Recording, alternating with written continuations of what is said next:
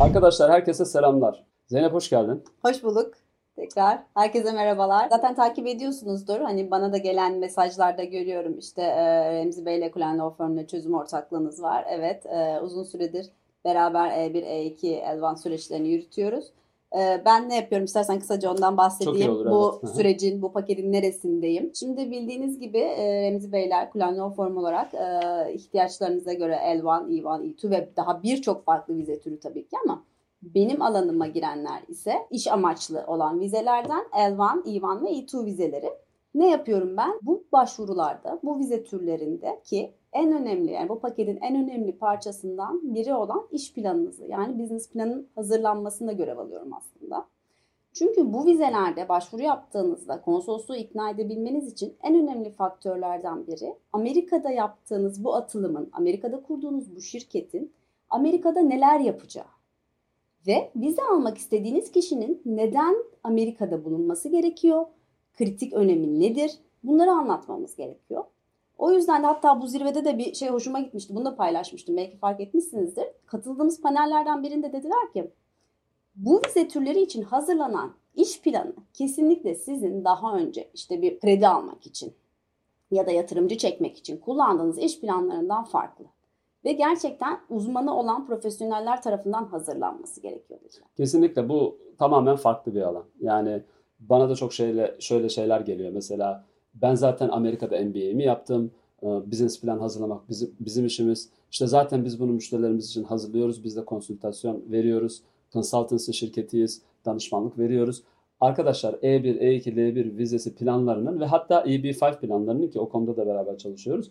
Bunların herhangi bir şekilde sizin normalde hazırlamış olduğunuz business planlarla hiçbir ilgisi alakası yok. Tamamen farklı bir uzmanlık gerektiriyor. İstersen biraz da konuyu birazcık kaydırıp böyle E1'den, E2'den, L1 iş planlarından bahsedelim. E E1, E2 vizelerini sen de ben de çok yakından takip ediyoruz. Konsolosluğun durumunu takip ediyoruz. Maalesef. Ee, maalesef evet konsolosluktaki mülakatların çok geç verilmesi durumu. Burada da bu arada bu konuyu gündeme getirdik. İlgili panellerde hani bu konuda yapılabilecek bir şey var mı? Gerçekten buradaki firmalar çok zorlanıyor. Bundan bahsettik. Ama hani genel olarak bu pandemiden kaynaklı bir backlog, bir bekleme olduğundan bahsettiler onlar da bize. Herkes aynı şeyi söylüyor. Evet. Bütün devlet yetkilileri diyorlar ki zannetmeyin ki sadece sizin başınıza Evet. geliyor. Bütün dünya üzerinde böyle.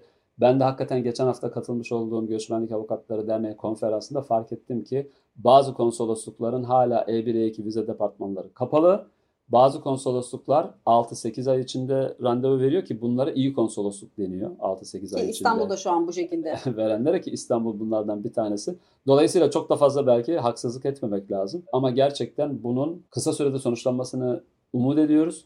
Ama umarım Department of State yani Dışişleri Bakanlığı bu işi hızlandıracak bazı e, aktivitelerde bulunur. Ben dün panelde birkaç avukatlar arasında konuşulan şeylerden bahsettim. Onların olup olmayacağını bilmiyoruz. Mesela bazı vizelerin e, online, internet üzerinden yapılması randevularının, bazılarının Amerika içinde basılması, pasaporta gibi şeyler belki düşünülebilir ama tabii bunlar çok e, şu anda Planlar arasında değil. planlar Yakın arasında gelecekte. gibi görünmüyor. Belki uzun vadede olabilir. Peki şunu sormak istiyorum. E E1, E2, L1 business planında en çok gördüğün yani Türk şirketleriyle tabii daha çok biz Hı hı. çalışıyoruz ama gör, en çok gördüğün hatalar. Mesela yatırımcının hatası, ticaretçinin hatası, L1 almak isteyen kişilerin hatası.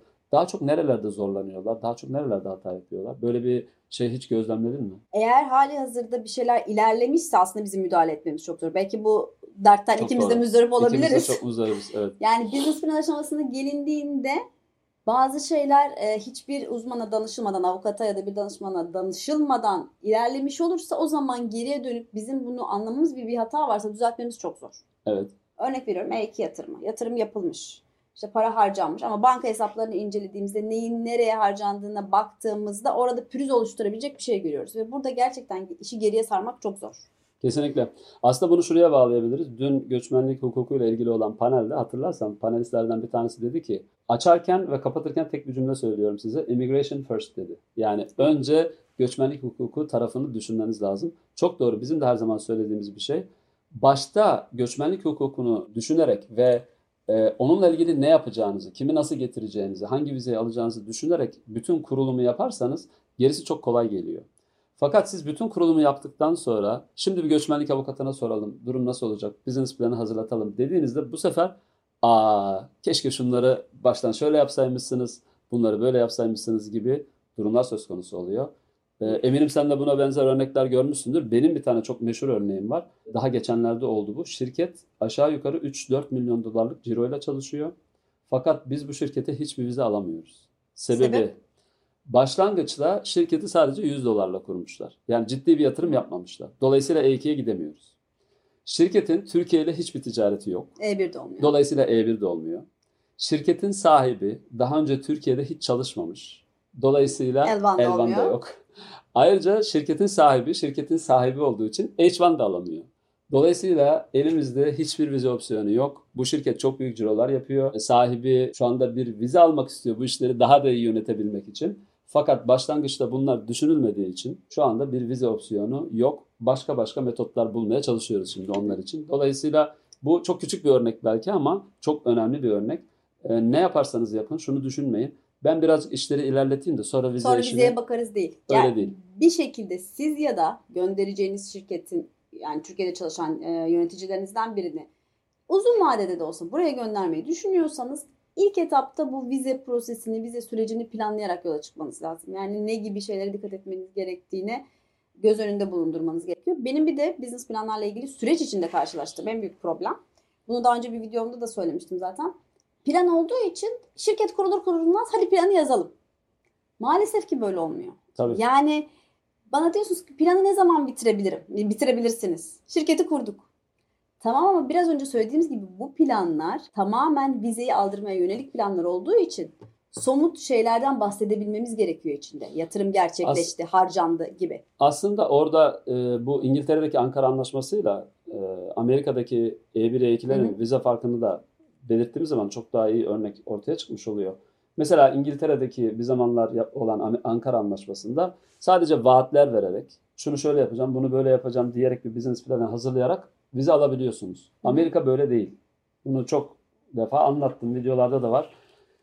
Sizin hareketlerinizi görmek istiyor.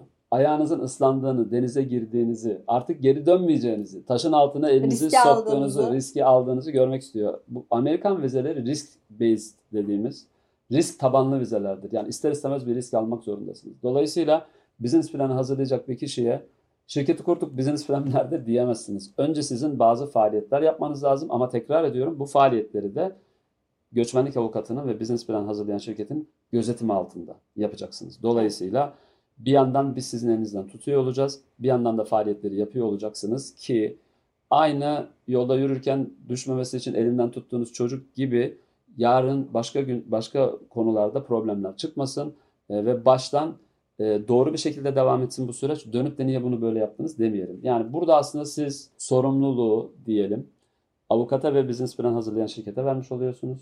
Dolayısıyla sorumluluk bize ait olmuş oluyor. Bu da zaten sizin isteyeceğiniz bir şey. Bütün sorumluluk sizde olmamalı. Yoksa avukat tutmanıza gerek kalmazdı. Evet yani aynı paralelde yürüyor olmamız gerek. Siz evet buradaki aksiyonlarınızı alırken, buradaki işinizi oturturken bana bilgi sağlıyor olabilmelisiniz ki ben o plan üzerinde çalışayım ve ne zaman biz evet artık dosya hazır konsolosluğa gidecek dediğimiz noktada da planı finalize ediyoruz. Aynen öyle. Sen birazcık insanlar sana nasıl ulaşabilir? Ondan sonra ne tip servisler veriyorsun? İstersen onlardan biraz bahset. Sonra bir söylemek istediğin son bir şeyler var mı? Onlardan da bahset. Böyle birazcık Select USA, biraz E1, E2, L1 ortaya karışık bir sohbet oldu ama e, ben iyi olduğu kanaatindeyim. İstersen Kesinlikle. böyle bitirelim. Tamam. Ben görüşmenin ilk başında söylediğim gibi e, bu vize süreçlerinin business plan tarafındayım. Business plan hazırlığındayım. Peki ben hangi donanımla bunu yapıyorum? Tabii ki merak ediyor olabilirsiniz. E, Ben 2008 yılından beri Amerika'dayım ve e, 14 yıldır e, immigration göçmenlik tarafında danışmanlık vermekteyim. Öncesinde ise İstanbul'da Amerikan Başkonsolosluğu'nda vize bölümünde görevliydim. Vize mülakatlarını yapan o Evet. arkadaki korkulan Camın taraftaydım. arkası. Camın arkasındaki taraftaydım. Biz Zeynep'le önce e, aynı büroda çalıştık. Hatta Zeynep'i biz işe almıştık. Ondan sonra birlikte beraber Eğitim çalıştık. vermiştik. Konsolosluktan ayrıldıktan sonra e, Zeynep çok parlaktı. E, göçmenlik avukatı ofisinde güzel bir e, iş çıkarttı. Paralegal'dı. Fakat daha sonra bu işin business plan tarafında olmayı tercih etti. Dolayısıyla hem konsolosluk tecrübesi hem bir immigration law firm e, tecrübesi ve aynı zamanda business plan hazırlama tecrübesi. Kendisi aynı zamanda Boğaziçi mezunudur. Onu çok mütevaziliğinden söylemez. e, Boğaziçi bizim özellikle bizim jenerasyon için Boğaziçi'nin çok önemli bir yeri var tabii ki. Yani o, Kesinlikle o öyle. dönemde girilmesi çok zordu. Ondan sonra Aynen. çok e, oradan güzel insanlar mezun oluyordu. E, dolayısıyla bunda bir bahsetmiş bundan da bir bahsetmiş olalım. Teşekkür ediyorum sana. Bu şekilde Her lokal konsolosluğun kendine ait kuralları oluyor. Bir geleneksel olaya bakış açısı oluyor. Dosyaları değerlendirme tarzı oluyor. Burada bu oradaki officer'lar değişse bile bazı şeyler değişiyor ama bazı şeyler değişmiyor. Dolayısıyla bunu iyi bilmek ancak oraya çok dosya göndermeyle Kesinlikle. alakalı bir şey. Mesela Madrid'e, Sydney'e, Toronto'ya çok dosya gönderen bir kişi İstanbul'u iyi biliyordur demek değil ve böyle yapılan birçok hatayı sen ve ben daha sonra dosyalar önümüze geldiğinde gördük. Çünkü her konsoloslukta geçerli olan şeyin aynı zamanda İstanbul'da geçerli olacağını da düşünmek çok doğru değil. Evet temel prensipler aynı ama kesinlikle konsoloslukların uygulamaları e, uygulamaları, bakış açıları, hangi şartın nasıl gerçekleştiğini değerlendirme tarzları birbirinden oldukça farklı. Bunu tecrübeyle e, sabit olarak söyleyebiliriz. Ee, Benim söyleyeceklerim bu kadar aslında genel olarak. Ee, dediğim gibi eğer ki Remzi Bey'le E1, E2 Elvan süreçlerini yürütmek isterseniz e, kendisiyle çözüm ortağı olarak çalışmaktayız. Business planlar konusunda tanışacağız sizlerle. Çok teşekkür Evet. ediyorum. Ben teşekkür ederim Zeynep. E, böyle iki arada bir derede bir video çekmiş olduk. Bu sohbet çok keyifli oldu. Çok teşekkür ederiz. Senin gözlemlerin de tabii çok önemli. Ben de yıllardır bur- buraya katıldığım için daha önce herhalde hiç Select USA videosu yapmamıştım. Bu da bir ilk olmuş oldu. Ama zaten sosyal medyadan sıkça paylaşıyoruz gelişmeleri. İnşallah videoyu faydalı bulmuşsunuzdur. Videoyu beğenebilirsiniz. İlgi duyduğunu düşündüğünüz kişilerle paylaşabilirsiniz. Eğer sorularınız varsa yorumlar kısmında benimle paylaşabilirsiniz. Mümkün olduğunca elimden geldiğince şahsen cevap yazmaya çalışıyorum. Hepinize iyi günler diliyorum. Görüşmek üzere.